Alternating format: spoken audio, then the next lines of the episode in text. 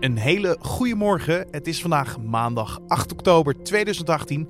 Mijn naam is Carne van der Brink en ik praat je vandaag weer bij over het laatste nieuws en wat voor dag het vandaag gaat worden in deze nieuwe nu.nl Dit wordt het nieuws podcast. In deze uitzending gaan we aandacht besteden aan een belangrijke volgende stap in het Holleder-proces.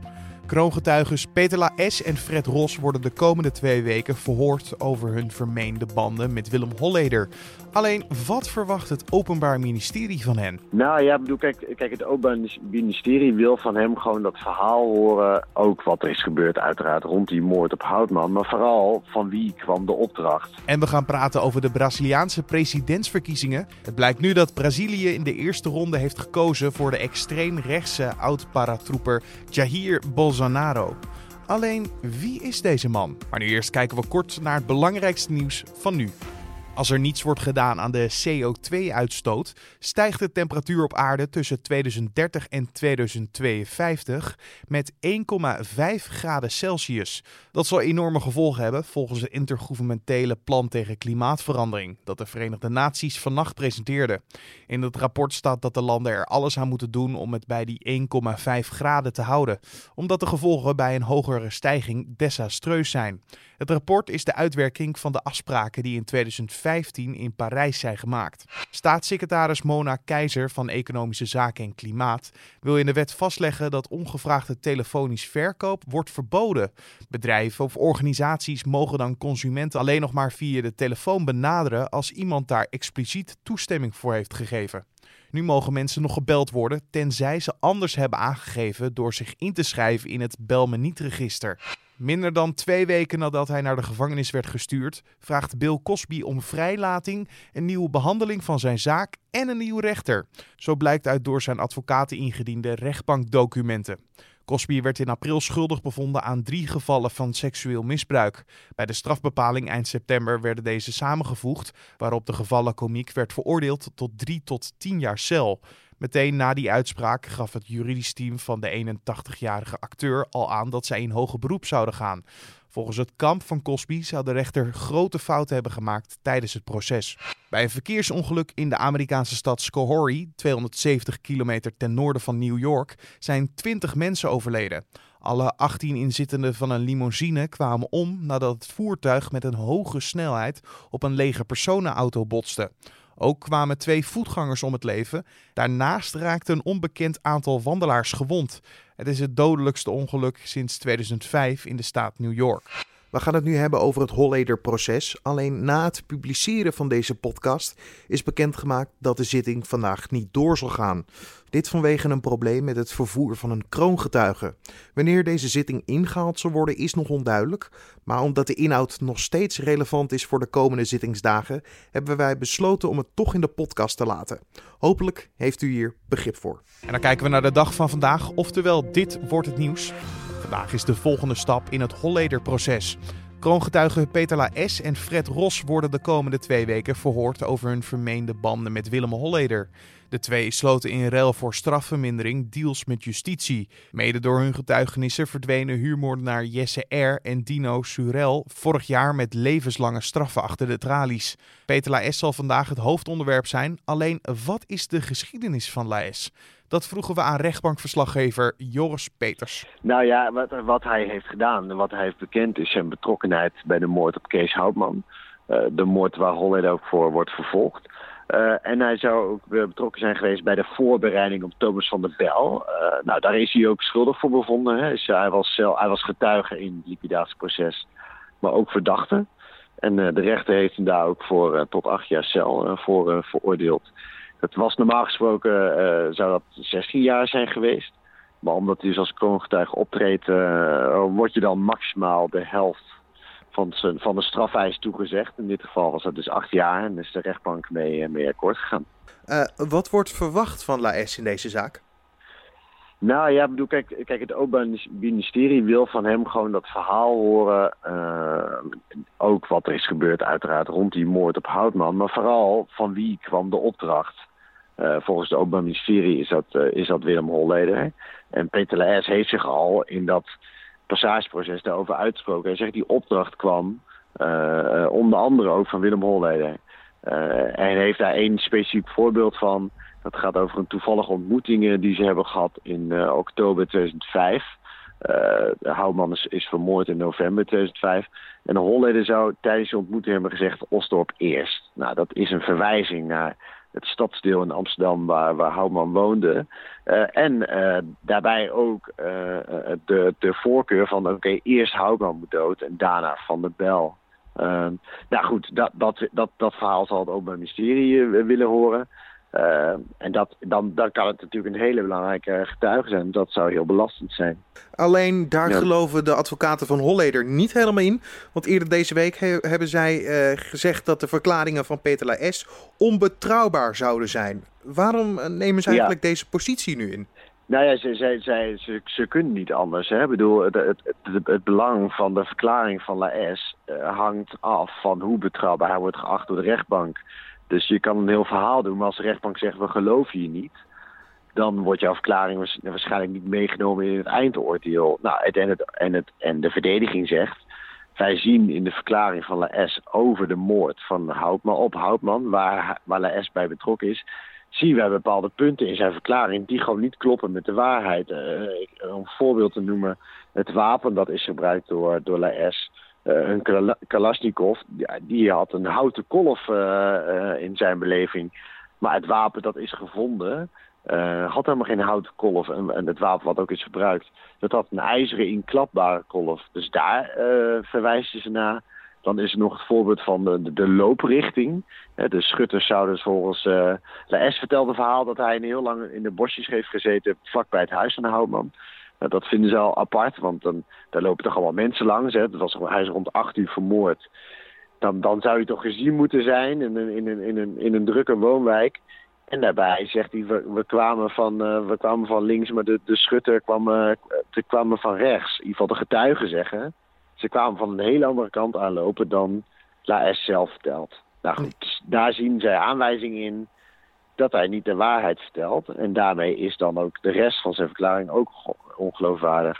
Ja, want Joris, vandaag is dus een belangrijke dag voor de kroongetuige Peter Laes. Maar hoe zal uh, ja, het proces er verder nog uit gaan zien? Nou ja, je, de, de, de, vandaag is inderdaad uh, is ingeruimd uh, voor Les. En er zijn daarnaast nog twee dagen voor zijn getuigenis ingeruimd. De verwachting is dat niet al die dagen nodig zullen zijn. Dus het kan zomaar zijn dat een van die dagen wegvalt. Uh, wat wel vaststaat is dat vrijdag uh, dat dan Laes en Fred Ros, de tweede kroongetuige, uh, samen zullen getuigen. Dus dan zullen ze hun verklaringen tegenover elkaar zetten en dan kijken waar, hè, waar de overeenkomsten zijn of juist niet. Je rechtbankverslaggever Joris Peters. Zondag komt Brazilië naar de stembus voor nieuwe gouverneurs, senatoren en parlementariërs. Maar de belangrijkste stem gaat naar de nieuwe president. Wie kiest Brazilië? Het is nu duidelijk dat de extreemrechtse oud-paratrooper Jair Bolsonaro de eerste ronde van de presidentsverkiezingen in Brazilië heeft gewonnen. Collega Julian Dom vroeg aan nu.nl-redacteur Matthijs Lelou wat de achtergrond van deze belangrijke kandidaten zijn. Nou, er is eigenlijk vooral één uh, zeer opmerkelijke kandidaat. Dat is uh, Jair Bolsonaro. Uh, die man, uh, hij is 63 jaar oud. Uh, hij wordt ook wel de tropische Trump genoemd. Of een mix tussen de Amerikaanse president en de Filipijnse president Rodrigo Duterte. Dat ook zegt een, nogal wat. Dat is ook een man met een nogal omstreden reputatie, op zijn zachtst gezegd. En die Bolsonaro die staat wereldwijd bekend om, om zijn vrouwonvriendelijke, homofobe en racistische standpunten. En dat is een kanshebber. Dat is een uh, grote kanshebber voor het presidentschap. Uh, hij is een uh, aardsconservatieve katholiek. Uh, nou goed, enkele van die omstreden standpunten van hem. Hij zegt uh, militaire dictatuur, uh, dat is zo slecht nog niet. Dus misschien moeten we daar weer eens naar terug in Brazilië. Hij omschrijft donkere Brazilianen als dik en lui. En wil inheemse stammen uit hun beschermde leefgebieden zetten. En hij zei ooit over zijn collega-politicus Mario do Rosario...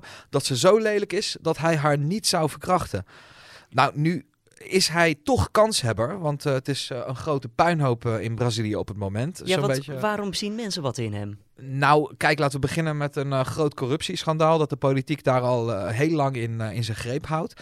ongeveer driekwart van de leden van het Braziliaanse parlement zijn of veroordeeld wegens corruptie of worden onderzocht wegens corruptie. drie kwart. Dus dat, dat is nogal wat.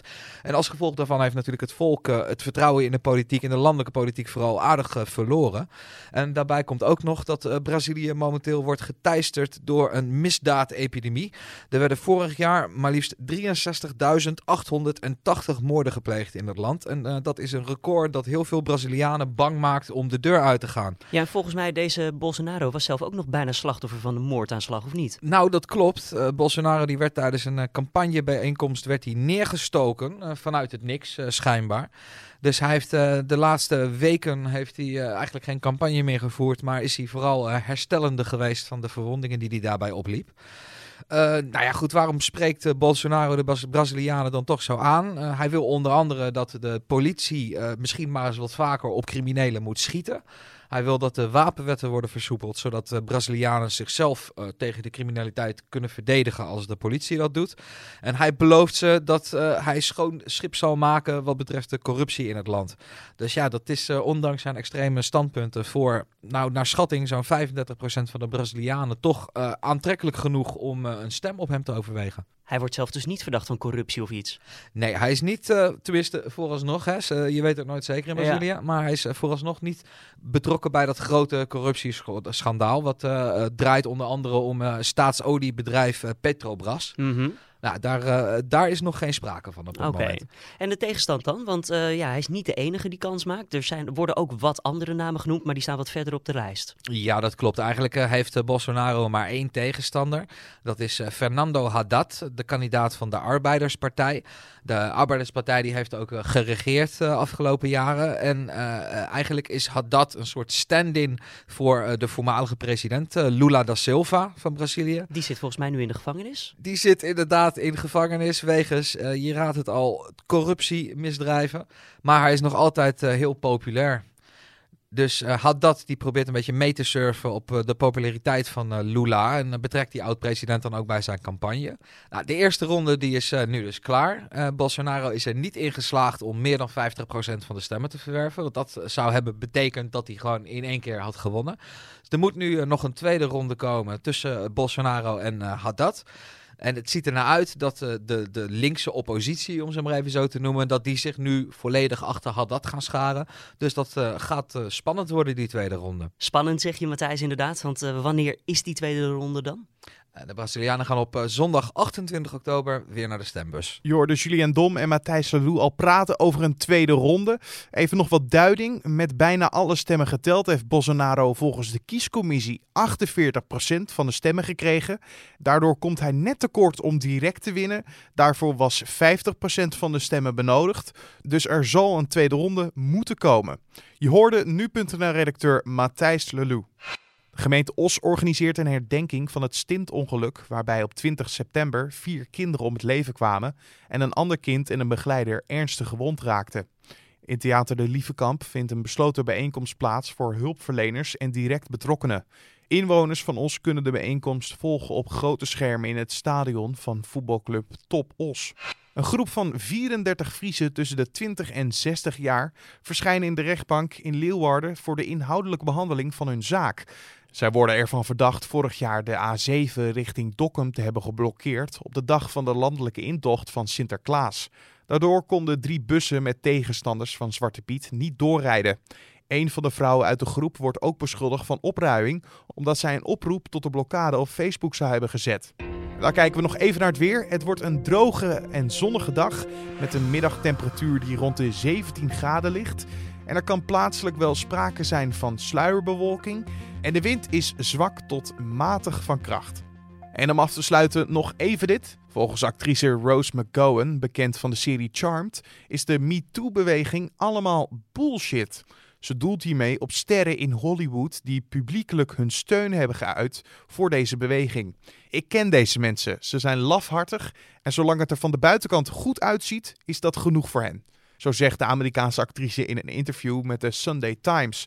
De 45-jarige McGowan zette een jaar geleden met haar beschuldigingen tegen filmproducent Harvey Weinstein de MeToo-beweging in gang. En dit was dan de Dit Wordt Het Nieuws podcast voor deze maandag 8 oktober.